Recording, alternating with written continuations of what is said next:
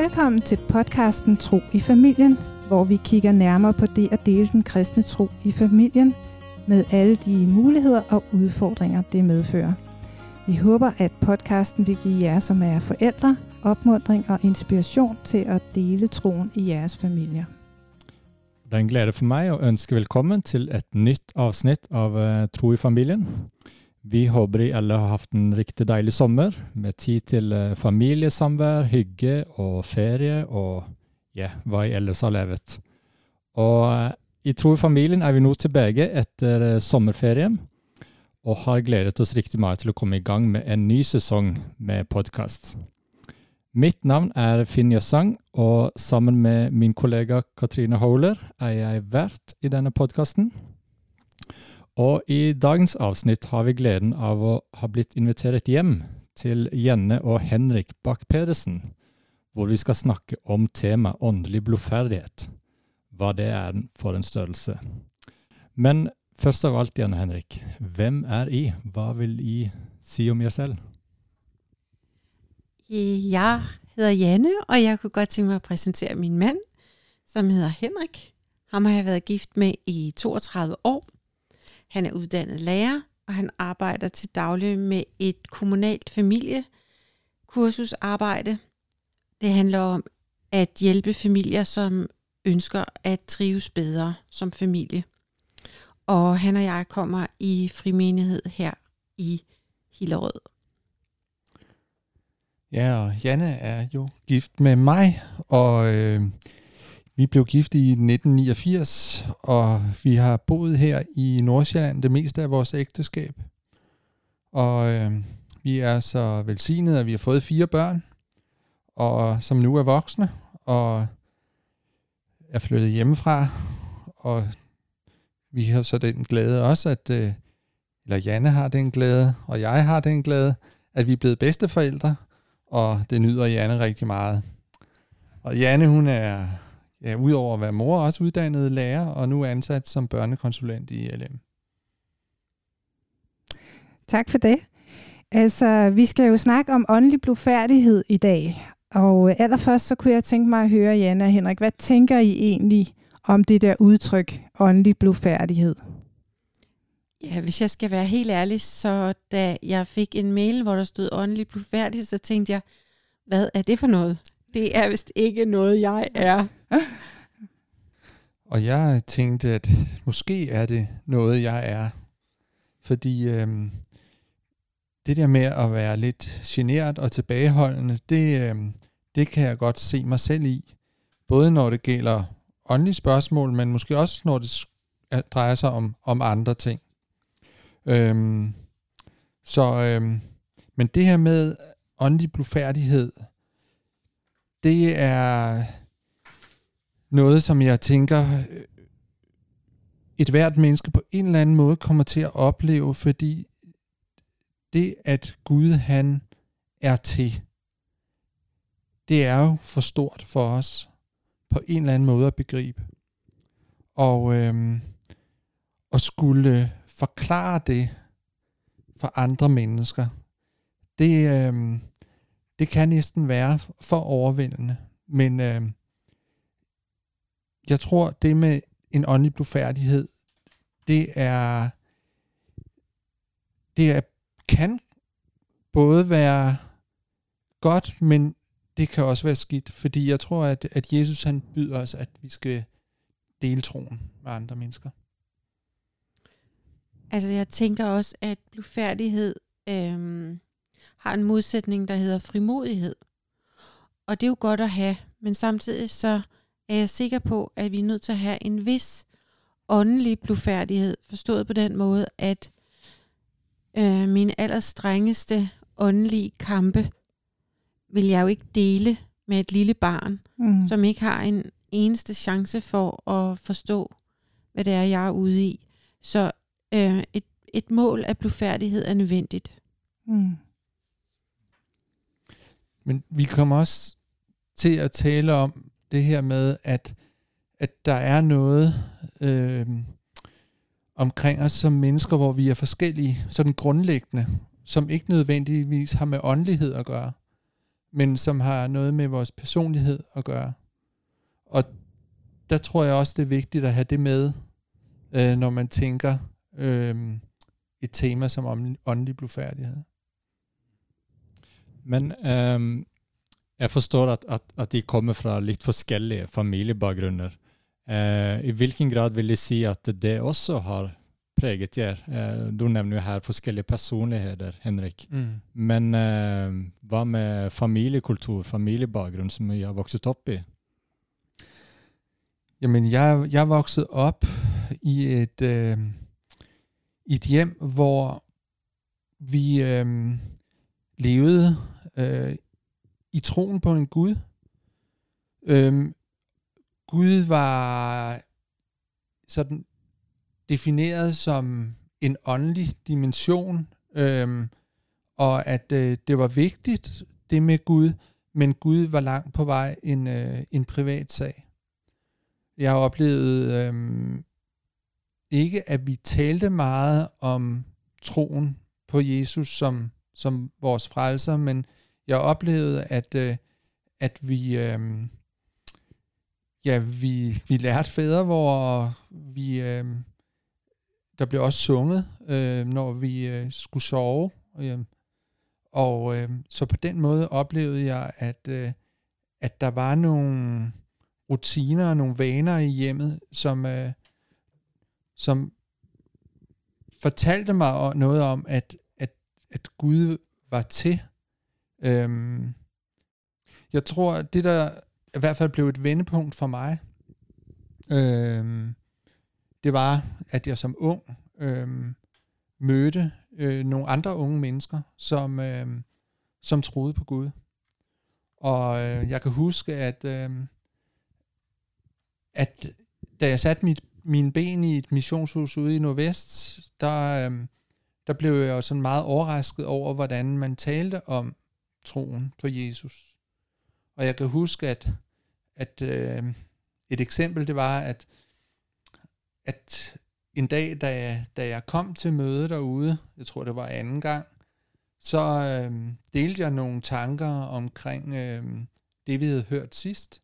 Og så var der en, en pige, der sagde til mig sådan, det er Helligånden, der arbejder med dig. Og, øh, og, så, og sådan øh, blev det sådan lidt en, øh, kan man sige sådan, og, og hvad forstår hun egentlig ved det? Og, så jeg oplevede, at der blev sat ord på troen. Så øh, det, det, øh, det, det, det var ligesom et vendepunkt for mig, og, og det, at jeg selv mødte Jesus som min personlige frelser, det gjorde jo, at, øh, i stedet for at det var en guddommelig dimension, så blev det en øh, guddommelig relation. Så, så, så det blev en relation i højere grad end en dimension. Og det, det er, tænker jeg er den store forskel, der også gør, der har gjort, at det er nemmere for mig at, at tale om Gud og Jesus som min personlige frelser.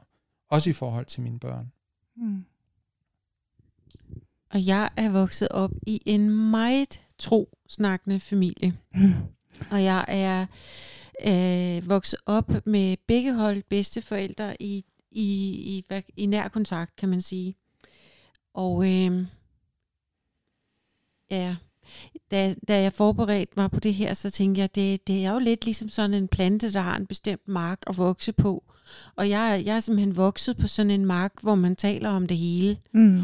Og øh, jeg kan give et eksempel på min mormor, som altid var så glad for, at Jesus havde hjulpet hende. Og hun kunne simpelthen udbryde, øh, hvor har Gud været god mod mig.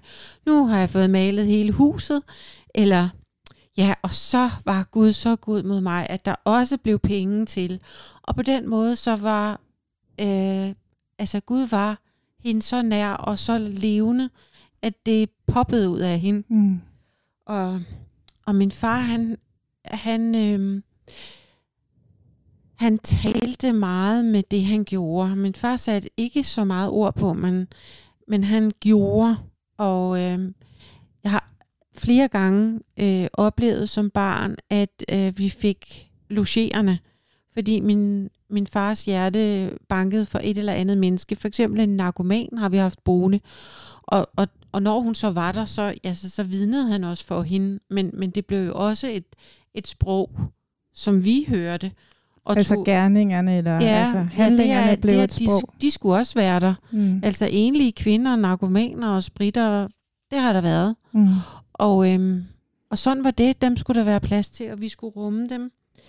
Jeg har også øhm, altså for mit indre blik min mor på knæ, hvor jeg kommer hjem fra skole, og så ligger min mor på knæ inde i stuen. Det er jo også en form for sprog, mm. at tale om sin tro, at, øh, at øh, der skal bes nu for et eller andet. Og så var det bare sådan, det var. Mm. Og hun bad jo også, da jeg kom ind ad døren, så, så der var en prioritering i det.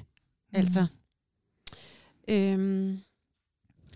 Og så en af de ting, som var ufravigeligt, det var andagten. Og det var ikke sådan, at det var anstrengt.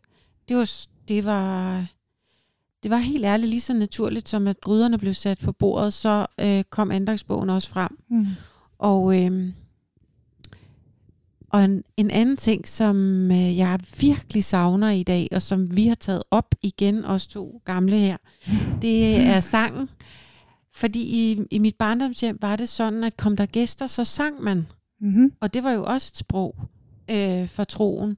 Og det blev tit sådan en festagtig ting, og så er det din tur, hvad vil du gerne synge?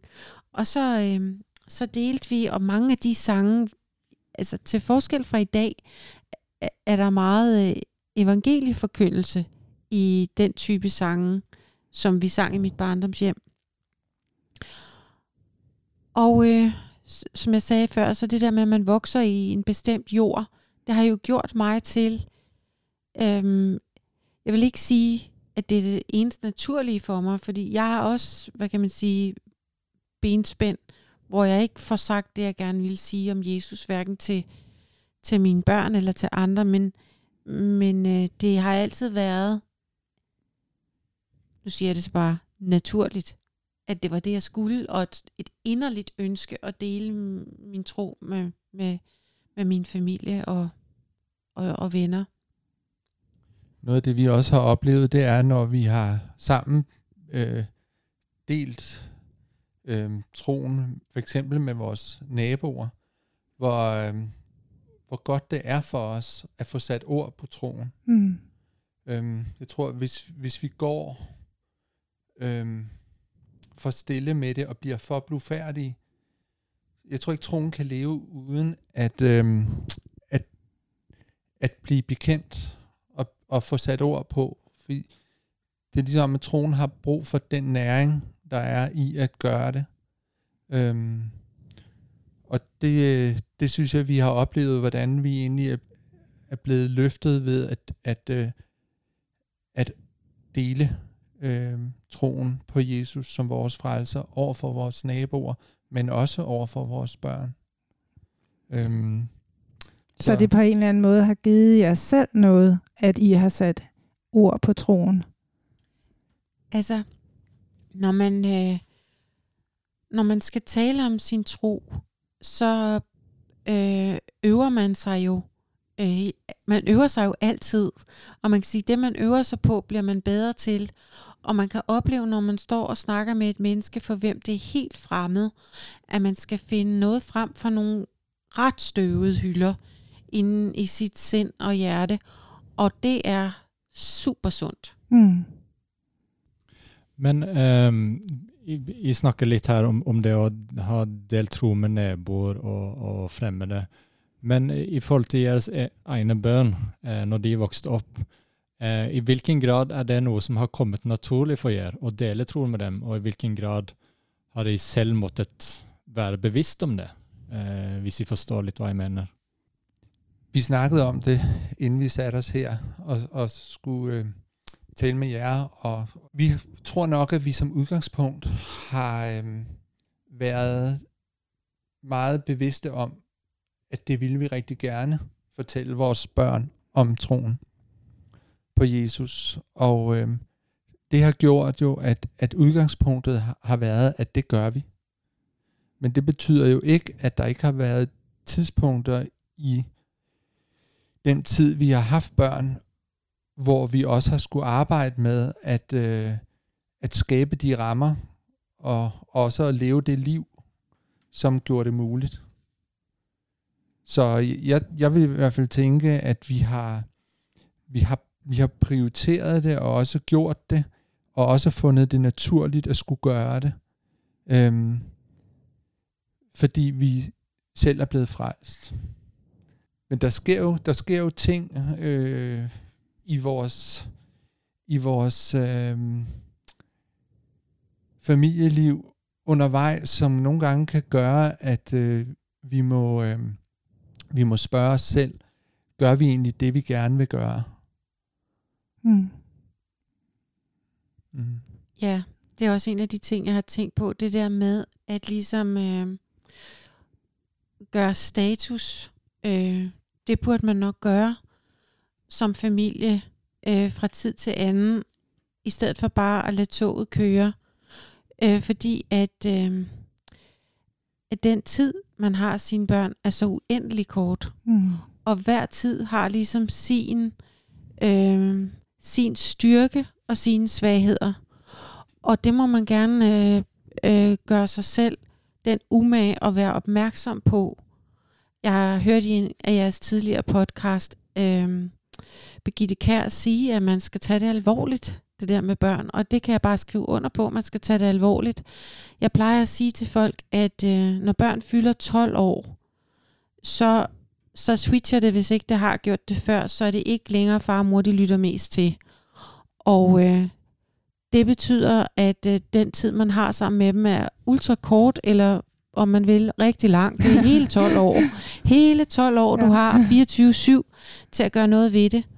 Øhm, og øhm, der er vist ikke andet at sige, end øh, at det er en god kamp at kæmpe. Og, og jeg vil også sige, at det kræver altså, at man er god til at falde. Hvad mener For, du med god til at falde? Jeg mener, at øh, hver gang, at man ikke klarer det, så må man komme op på hesten igen. Man må børste støvet af sig, og så sige, vi, vi prøver igen. Øhm, det der med at sige, gentage Guds løfter om nåden, om at nåden er ny hver morgen. Altså, ikke at kigge tilbage og sige, i går, øj mand, sikke en andagt vi havde, hvor var det forstyrret, og det er vi ikke særlig gode til. Men hver dag er en ny gave, en ny nådedag, hvor du kan kaste over det en gang til. Og det er vel heller ikke forbudt at, at spørge andre til råds om, hvad de gør. Altså, older and wiser, ikke? Øhm, jeg har i hvert fald selv haft brug for os på et tidspunkt at tale med en, der var ældre end mig selv, øh, i forhold til nogle ting. Og øh, det synes jeg, man skal gøre. Eller andre forældre. Ja.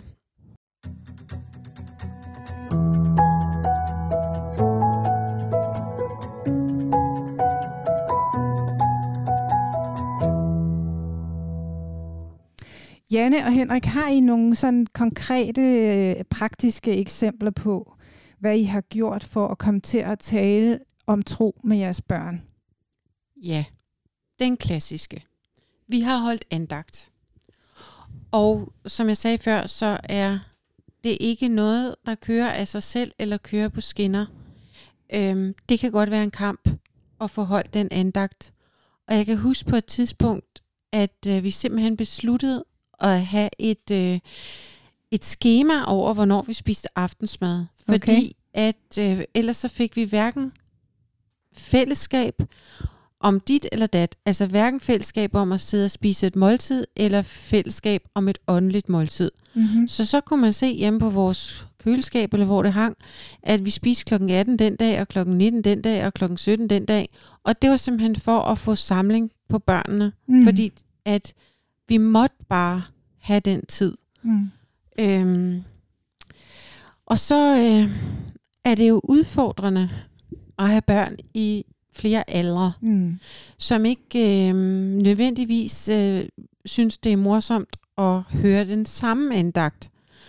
Og det har altså affødt forskellige sjove ting hjemme hos os. Blandt andet så, øh, så har man måske for barnligt med den med den andagsbog for de alleryngste, men det var også for svært med en for voksne, for noget i den stil. Og så kunne det godt være, at vi tog en for de voksne, og så simultantolkede jeg simpelthen. Altså jeg læste det, der stod, og sagde noget helt andet. Okay. Og det var måske, altså det gjorde jeg faktisk nogle gange. Og andre gange, så øh, kunne der være en, øh, en tekst, som lagde op til, at der blev fortalt en lille bibelhistorie. Og altså jeg flere gange siddet og kørt rundt med alt serviset og ketchup og sender på bordet, og, og på den måde lavet de forskellige ting på bordet være personer i en fortælling, og så, øh, så har der været ro på, og, og nogen har lyttet. Mm. Men vi har altså også, vi har også gjort os ret meget umage med at finde relevante andagsbøger. Mm. Og den sidste ting, jeg vil sige, er, at vi har i perioder øhm, kørt f- flere bøger på én gang. Så mandag tog vi den for teenagerne, og Okay. tirsdag tog vi den for de lidt mindre, og så videre. Mm. Sådan så, at man sådan på skift havde chancen. Øhm, Så har vi jo haft nogle meget talende børn. Af en eller anden mærkelig grund. Og, og det har jo været rigtig dejligt. Øhm, men samtidig så har vi også nogle gange haft brug for rent faktisk, at, at vi havde nærmest en ordstyr, okay. så alle kunne komme til ord. Mm-hmm. Og øhm, jamen, hvad har vi... Øhm, så det har vi jo faktisk øh, prøvet sådan nogle gange at sige, nu er det din tur, og så er det din tur. Og så, vi, vi har faktisk også haft en talebrik. ja, Kun den, der havde brikken, måtte sige noget. ja. Og så har vi jo gjort det, at vi også forsøg, har forsøgt at aktivere børnene på forskellige vis. Både det, at de øhm, kunne læse op, selvfølgelig, det er når de kunne det. Mm-hmm. Og øh, det var jo også dem, der godt kunne stille spørgsmål til teksten, som vi skulle prøve at svare på. Okay. Eller de kunne øh, få opgaven, at der var en ting, de skulle bide mærke i, og så skulle de dele den med os andre. Mm-hmm. Og øh, så sådan nogle ting har vi, har vi prøvet at gøre, og, og vi har også prøvet at, ja, at bede dem om at, øh, hvad skal man sige, at spore sig ind på temaet måske. Hvad, hvad, handlede, hvad handlede det her om? Mm-hmm. Så, men det er altid godt ligesom at, hvad skal man sige, at, at dele ud sådan, så at det ikke bare bliver os forældre, der er, hvad skal man sige, er ansvarlige for aktiviteten, men at, det, at andagten bliver et fælles anlæggende.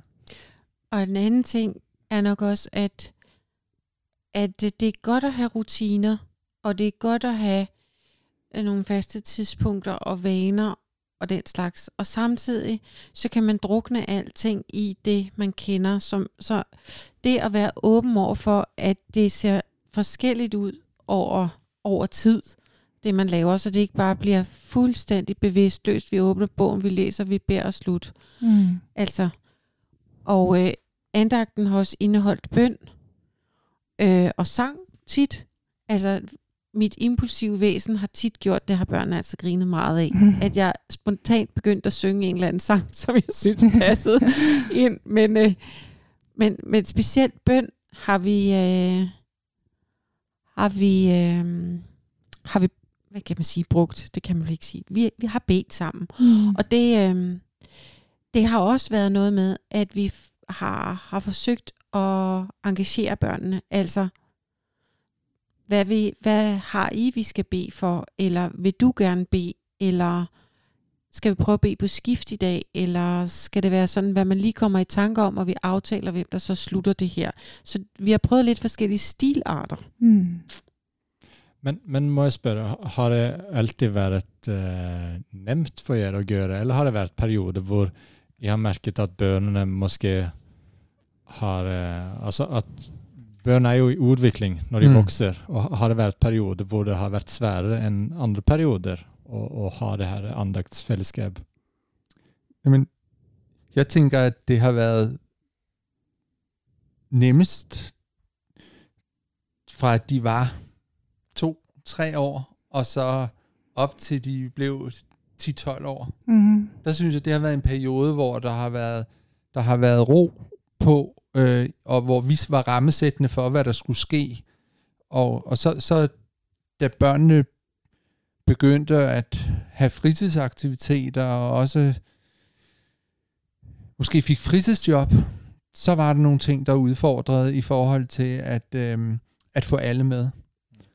Men, øh, men der var en, en god periode på en 10 år, der oplevede jeg i hvert fald, hvor, hvor vi var samlet.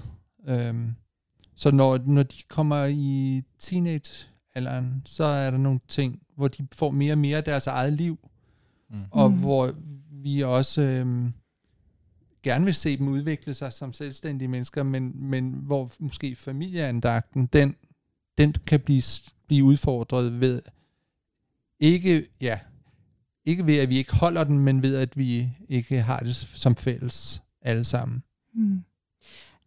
Jeg får altså også trang til at sige, at en ting er, at små børn er umiddelbare og tillidsfulde, og at det gør, at man har et helt særlig, øh, en helt særlig chance for at fortælle dem om Jesus, og man bliver, man bliver troet på sit ord. De mm. lytter, og, øh, og det er, er den ikke svære del. Men jeg vil også sige, den svære del i det er jo alt den uro, som små børn i en familie skaber. Mm-hmm. Det er jo op og ned af dørstolper. De farer jo rundt.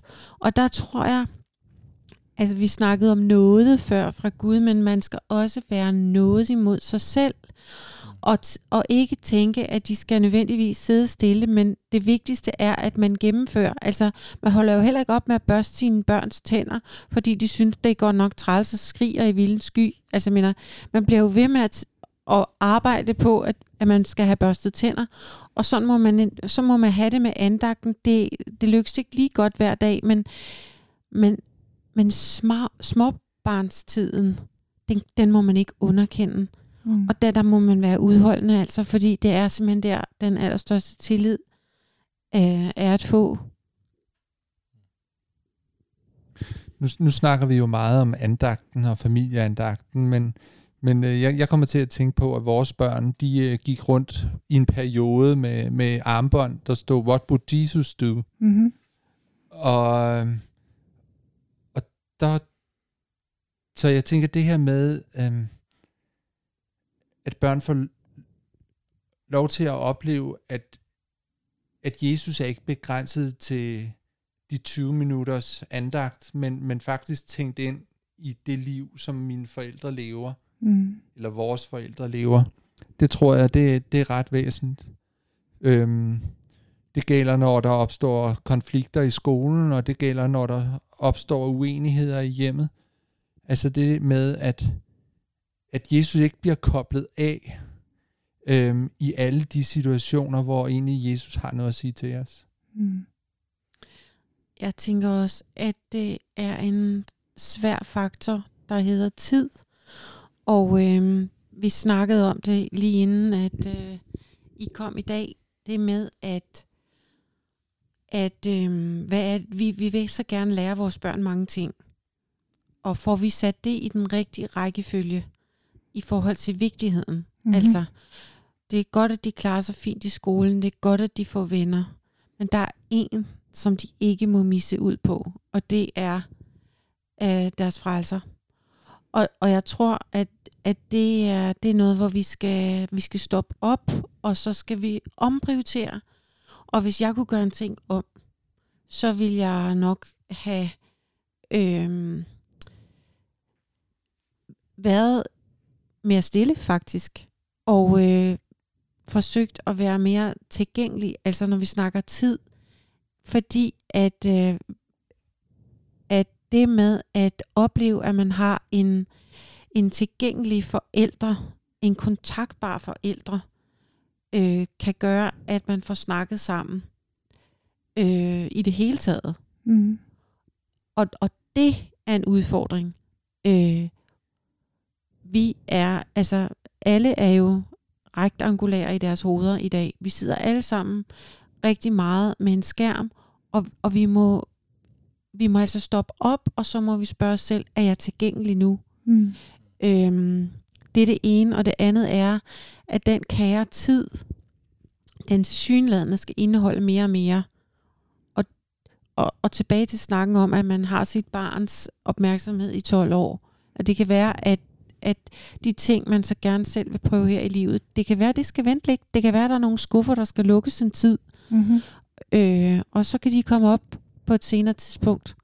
Jeg skulle hilse at sige, at nu har vi jo allerede været to i mange år. Altså, der bliver tid til andet.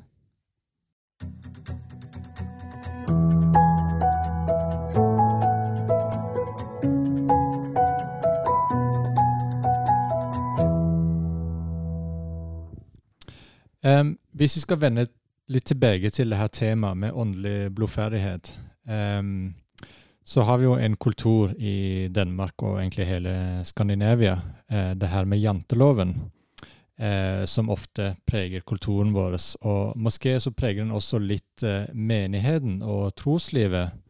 Um, men hvordan tænker I at, at menigheten som man kommer i, kan være til hjælp Eh, for å hjelpe foreldre med å dele tro i familien. Har dere gjort dere noen tanker om det?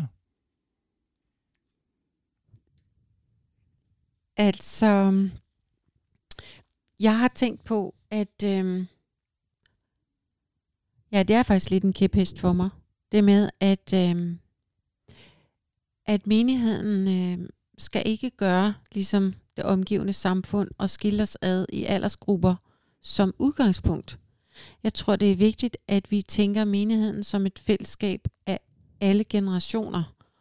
Og det er vigtigere, at vi har noget til det fælles møde eller gudstjeneste øh, for alle dem, som er til stede, i uanset hvilken alder. Altså at man tilrettelægger et program, hvor, hvor man har tænkt på den og den og den gruppe, mere end at man tænker, at man skal udskille nogen, som så skal gå ud for for eksempel at høre børnemøde. Og det, det er noget, jeg mener, fordi det der med at lytte, lytte til troen, øh, det kan altså også godt være at sidde på bænken og se, at en, øh, et voksen menneske synger af hjertet med på denne her sang, og se, at det er vigtigt for vedkommende, eller, eller de frie vidnesbyrd, eller at barnet og den unge selv er involveret i gudstjenestforløbet, og selv får lov at sætte ord på noget, og bliver opmuntret til det. Et, et fællesskab af troende er jo ikke noget, man har, bare fordi man går ind ad døren og sætter sig ned på en bænk. Et fællesskab er noget, man vokser i.